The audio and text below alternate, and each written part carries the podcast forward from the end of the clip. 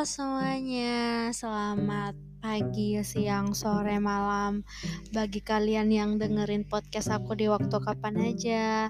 Balik lagi sama aku Arika di podcast ini. Nah di sini tuh aku mau bilang kalau nama podcast ini udah aku tentuin yaitu Ngopsan. Dan ya seperti dari nama podcastnya kita bakalan terus ngobrol santai ke depannya gitu kan.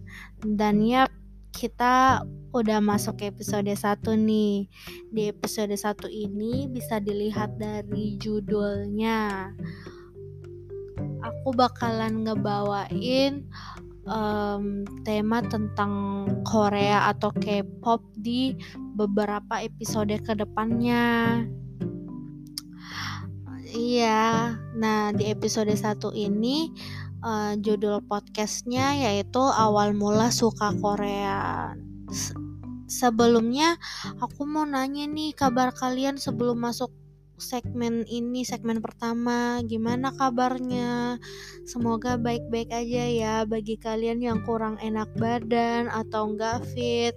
Aku doain semoga cepet sembuh dan bisa beraktivitas kembali semuanya. Hmm, di episode sebelumnya yang introduction aku udah ngasih spoiler loh tentang tema ini sebenarnya. Ada yang notice nggak nah um, sebelum lebih tahu nih tentang Korea atau K-pop kita ngulik dulu yuk tentang tema ini. Kalau ditanya tentang Korea sebenarnya budaya Korea udah masuk ke Indonesia cukup lama sejak tahun 2000-an dan berkembang pesat di dua, dua dekade terakhir ini. Keberadaannya cenderung diterima publik dari berbagai kalangan sehingga menghasilkan suatu fenomena.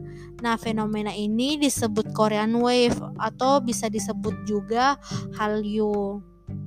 Fenomena ini dapat dijumpai di Indonesia dan dampaknya sangat terasa di kehidupan sehari-hari, terutama pada generasi milenial. Perkembangan teknologi informasi yang sangat pasif menjadi faktor utama penyebab besarnya antusiasme publik terhadap Korean Wave di Indonesia. Korean Wave sendiri diawali dan sangat identik dengan dunia hiburan seperti musik, drama, dan variety show yang dikemas secara apik menyajikan budaya-budaya Korea. Seiring berjalannya waktu, budaya Korea banyak diimplementasikan dalam kehidupan sehari-hari. Nah, mulai dari fashion, make up, Korean skincare, makanan, gaya bicara, hingga beberapa orang uh, memasukkan beberapa kosakata bahasa Korea dalam bahasa sehari-harinya. Nah, kalian pernah nggak sih dengar istilah K-pop? Nah, K-pop itu singkatan dari Korean Pop, salah satu bentuk budaya populer Korea yang telah mendunia sekarang ini. Hampir semua orang setidaknya pernah mendengar ataupun mengetahui mengenai K-pop beserta budaya Korea. K-pop sendiri merupakan salah satu subsektor hiburan yang mengangkat perekonomian Korea Selatan. Pemerintah Korea Selatan sendiri memang sudah lama memberi perhatian khusus terhadap indus industri musik mereka. Nah, Indonesia yang saat ini merupakan negara dengan jumlah penduduk terbesar keempat di dunia, merupakan rumah bagi jutaan K-popers atau pencinta K-pop. Salah satunya aku. aku pernah ditanya sama orang nih awal mula suka atau terjun dunia Korea itu gimana? Nah aku mulai suka hal berbau Korea ketika aku SD hmm, sekitar umur 9 atau 10 tahun. Kalau dihitung sampai sekarang sih berarti aku udah suka dan terjun dunia ini tuh 10 tahun lebih. Kalau ditanya pernah suka boyband atau girl band sebelum Korea enggak iya. Sebelumnya aku juga suka sama boy group atau girl group Indonesia dan sempat pernah ribut juga sama temen karena ngebandingin uh, yang masalah sepele. Tapi ingatnya tuh malu sama seru sih. Hmm, aku mulai suka sama Korea atau K-pop ketika om aku pindah ke Makassar buat kuliah. Aku inget banget video Korea pertama yang aku nonton itu musik video dari salah satu girl group legend Girls Generation. Pasti yang old K-popers pasti tahu sih siapa ini. Aku kepancing buat lihat video itu karena di dalam video itu tuh bener-bener colorful banget sih dan bikin mata anak umur 9 tahun sepertiku tertarik Nah, karena melihat peluang, akhirnya om aku bener-bener doktrin dan ngeracunin aku sampai makin suka sama hal berbau Korea. Nah, selama suka sama hal yang berbau Korea atau K-pop ini, aku ngalamin banyak hal dan kalau diinget tuh bikin malu dan ngerasa lucu sendiri gitu loh. Aku bongkar salah satunya ya. Hmm, apa ya? Oh ya, hal yang paling memalukan sendiri aku inget banget tuh. Aku pernah nangis dan gak mau makan karena ngelihat idolaku itu dirumorin deket sama idol lain yang lawan jenis gitu kan. Setiap inget itu aku pasti mikirnya dulu, kok aku bisa kayak gini? Mereka tahu aku aja enggak gitu, kok bisa sampai nangis gitu kan.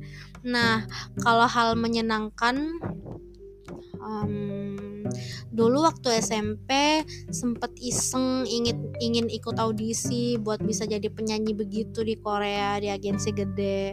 Nah aku dulu sampai tiga kali ikut audisi dan lolos sampai tahap selanjutnya. Tapi setiap lolos tahap selanjutnya tuh batal karena kepikiran sesuatu yang menurutku aku nggak bakalan bisa jadi idol Korea sih.